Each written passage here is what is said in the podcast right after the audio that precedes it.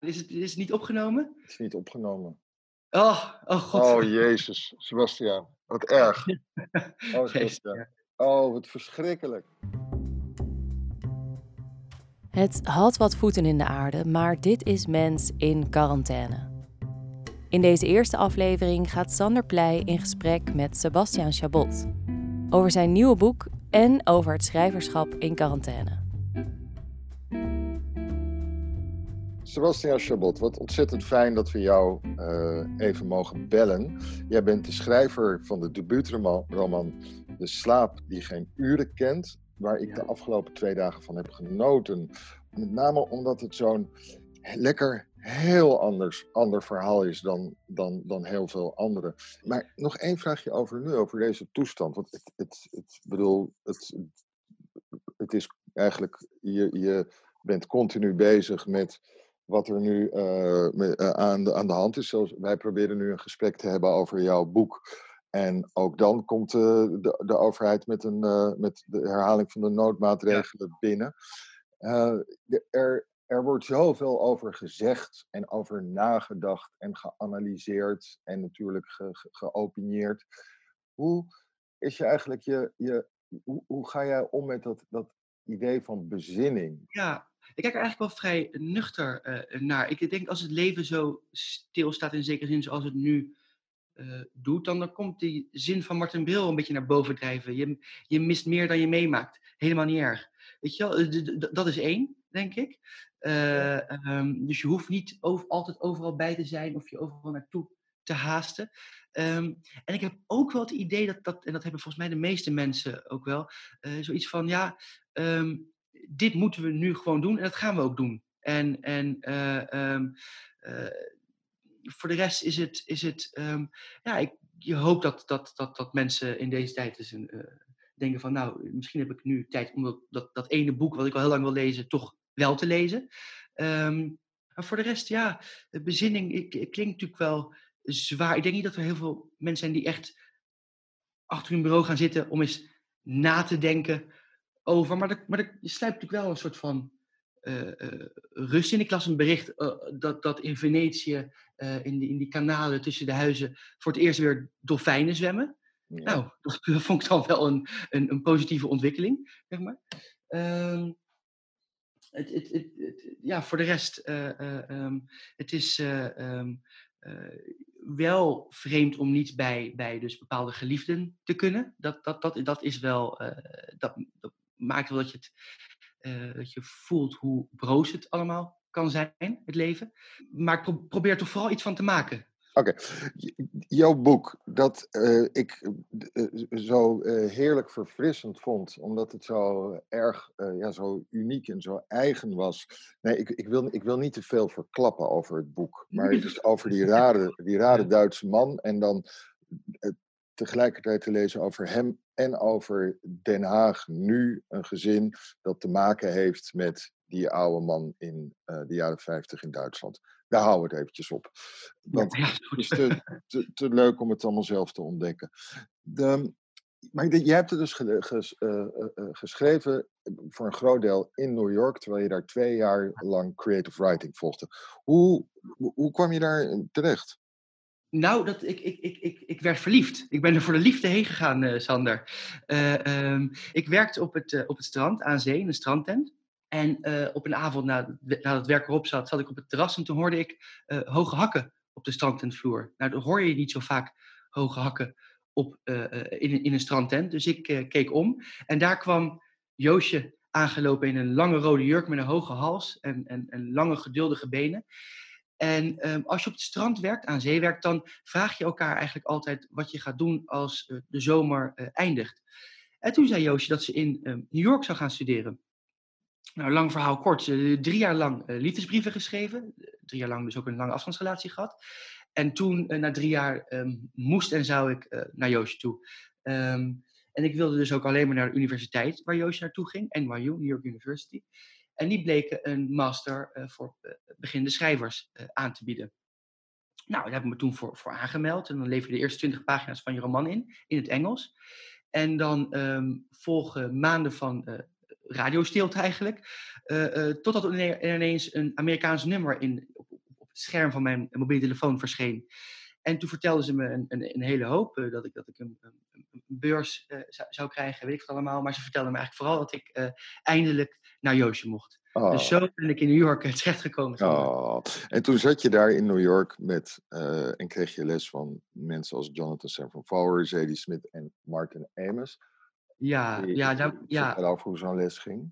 Nou ja, ik kan, je, ik kan je wel de eerste les van Martin Amis eh, schetsen. Dat is misschien wel leuk. Ja, Eh, eh, eh, Martin Amis, dus de, de, de gevreesde eh, Britse criticus, eh, essayist en, en romancier, ehm, was zelf tien minuten te laat voor zijn eerste les. Althans, dat wilde hij ons doen geloven. Want ik had hem eh, om de hoek van het klaslokaal al achter een pilaar eh, eh, verscholen opgesteld zien staan. Dat weet ik bijna zeker, omdat ik de rook van zijn elektronische sigaret, hij rookte toen elektronische sigaretten, zag ik van achter die pilaar vandaan komen. Dus, dus ik, nou maar goed, hij wilde ons in ieder geval doen geloven dat hij tien minuten te laat was.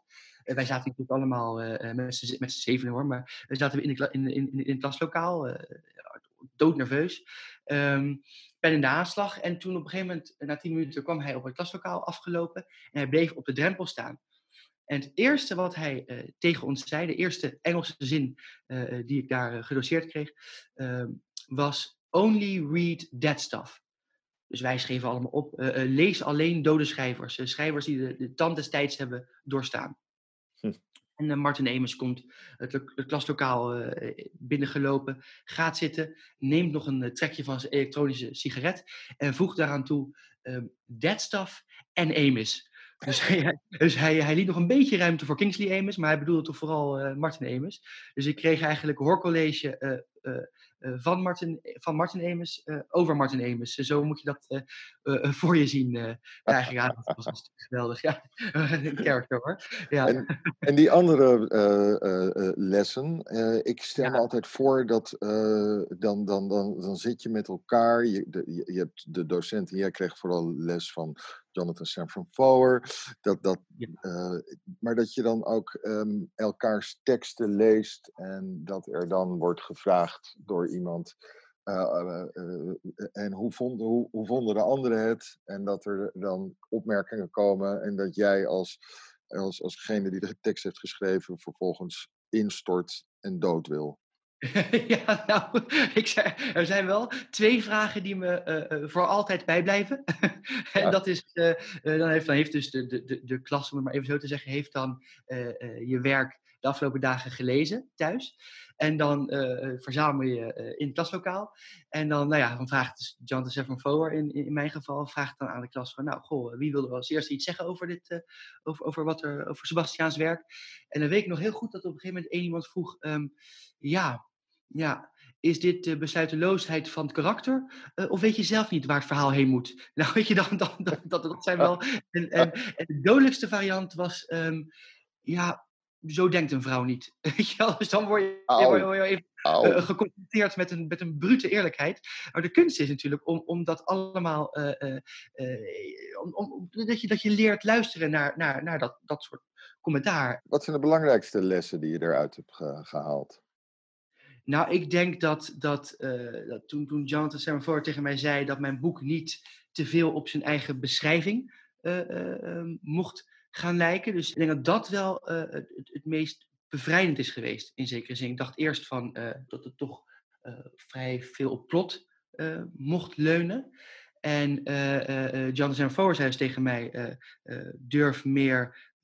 aan te sturen op instinctieve waarheid. En Zee Smit zei tegen mij, ja, durf, je, durf je eigen fouten te zijn. Durf, eh, durf over je fouten en je neigingen eh, eh, te schrijven. Zadie Smit zei, probeer je eigen fouten Ja, te, te belichten of, hoe, hoe, hoe- of Ja, gebruiken. Ja fouten klinkt misschien, klinkt misschien zo, zo zwaar, maar eh, de, de momenten waarop je volgzaam bent, of de momenten waarop je niet ingrijpt, eh, eh, omdat je liever niet opvalt. Een heel simpel voorbeeld is, ja, op, de- op de middelbare school, op de basisschool haalde ik heel graag hele mooie cijfers. Ik vond het leren echt geweldig. Ehm, en op de brugklas werd het al vrij snel duidelijk dat je, ja, met hoge cijfers maak je jezelf niet, niet populair, gek genoeg. Ehm, dus, maar, en, in plaats van dat, dat ik dan eh, eh, gewoon doorging met hoge cijfers halen of, of, of, of, of, of, eh, een beetje eh, tegenwicht bood, eh, eh, ehm, ging ik opzettelijk op mijn overhoringen ehm, eh, ja, ging opzettelijk fouten maken, zodat ik niet langer hogere cijfers haalde dan, dan mijn klasgenoten. Dat ik gewoon een van mijn klasgenoten kon zijn. Dus die, dat je dus probeert niet op te vallen en, en volgzaam bent. Dat soort momenten ehm, ja, wilde, stuurde iemand als C. Smit heel erg op aan. Dat, Grappig, dat, dat, ja. Dit zegt misschien ook wat over uw literatuur. Want jij vertelt mij of ons dit nu heel uh, luchtig en vrolijk en je begrijpt dat. Maar dit zit echt in het boek. En in het boek is dit heel anders en veel pijnlijker. Ja, ja. Nou, het, het, eh, ik vertel het luchtig, maar ik bedoel, dat is uh, omdat ik het leuk, uh, leuk vind om met je te praten, Sander. ja.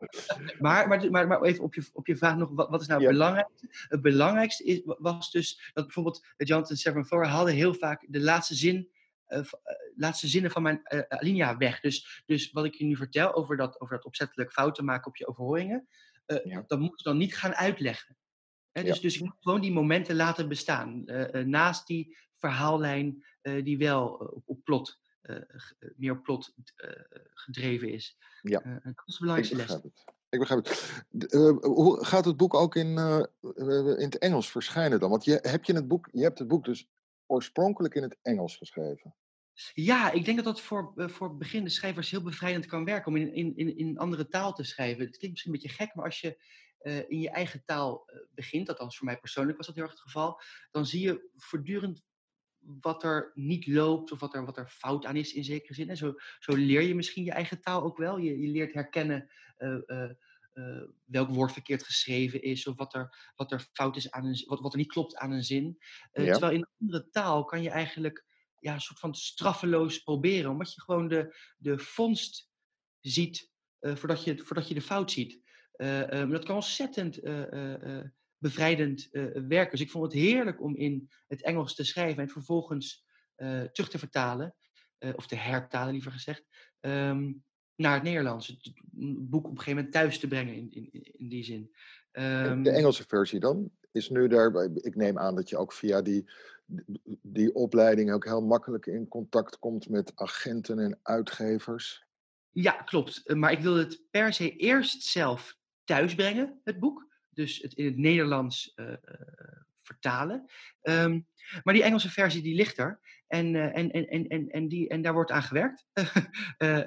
om, om dat op een gegeven moment ook uitgegeven. Ja. En jij woont nu weer in Den Haag? Ja, ja. Ik Zonder nu... Joosje dus? Nou, ja, nee. Joosje is, uh, die was in Nederland, uh, die is anderhalf maand geleden teruggekomen naar Nederland om een uh, webserie voor VPRO op te nemen. En zij mag nu, nu niet terug, dus we zijn eigenlijk samen in quarantaine, maar wel gelukkig samen. Het, het enige voordeel aan, aan, aan, deze quarantaine is dat wij gewoon samen verplicht zijn samen te blijven. Nou, dat is heerlijk. Heel mooi. Ja, maar, en nu jij thuis zit te schrijven, schrijf je nu in het Nederlands of in het Engels? Uh, nou, ik ben eh, met twee boeken bezig. Uh, roman 2 en roman 3.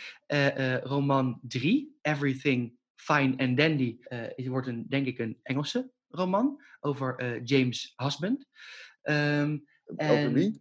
James Husband. James Husband is het, is het type man dat zijn lach aanpast aan de lach van degene met wie hij het meest tijd doorbrengt.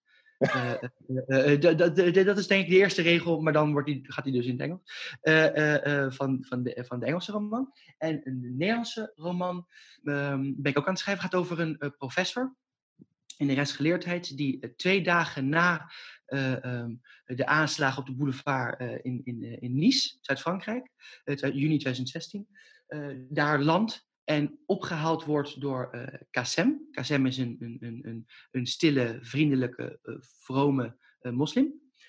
die, het, die zorgt voor het huis waar de professor um, overzomert. Um, en die haalt hem van het vliegveld op en er ontstaat eigenlijk een vriendschap tussen uh, Kassem en de professor. Uh, dat, dat is, wordt de roman in het Nederlands. Nou, ja. dan gaan we, uh, hoop ik heel graag dat, of hoop ik erg dat we de volgende keer als je weer, als een van, de, een van de twee boeken uitkomt, dat we ja. weer kunnen spreken en dan kunnen we de interessante vraag, kun, kun, je dan beantwoorden, waarom nou het ene boek in het Nederlands en het andere boek in het Engels ging. Dat ga ik dan beantwoorden als ik ze tegelijk heb geschreven. Okay. Hey, uh, Sebastian, ontzettend bedankt dat je uh, uh, ons hebt kunnen spreken. En omdat ik je al twee keer eerder heb geïnterviewd over internet. En ik alle tweede keren dit fout heb gedaan. En dat je dus extra veel moet bedanken voor je tijd. Goed? Uh, dank voor alles. Jij bedankt. Oké. Okay.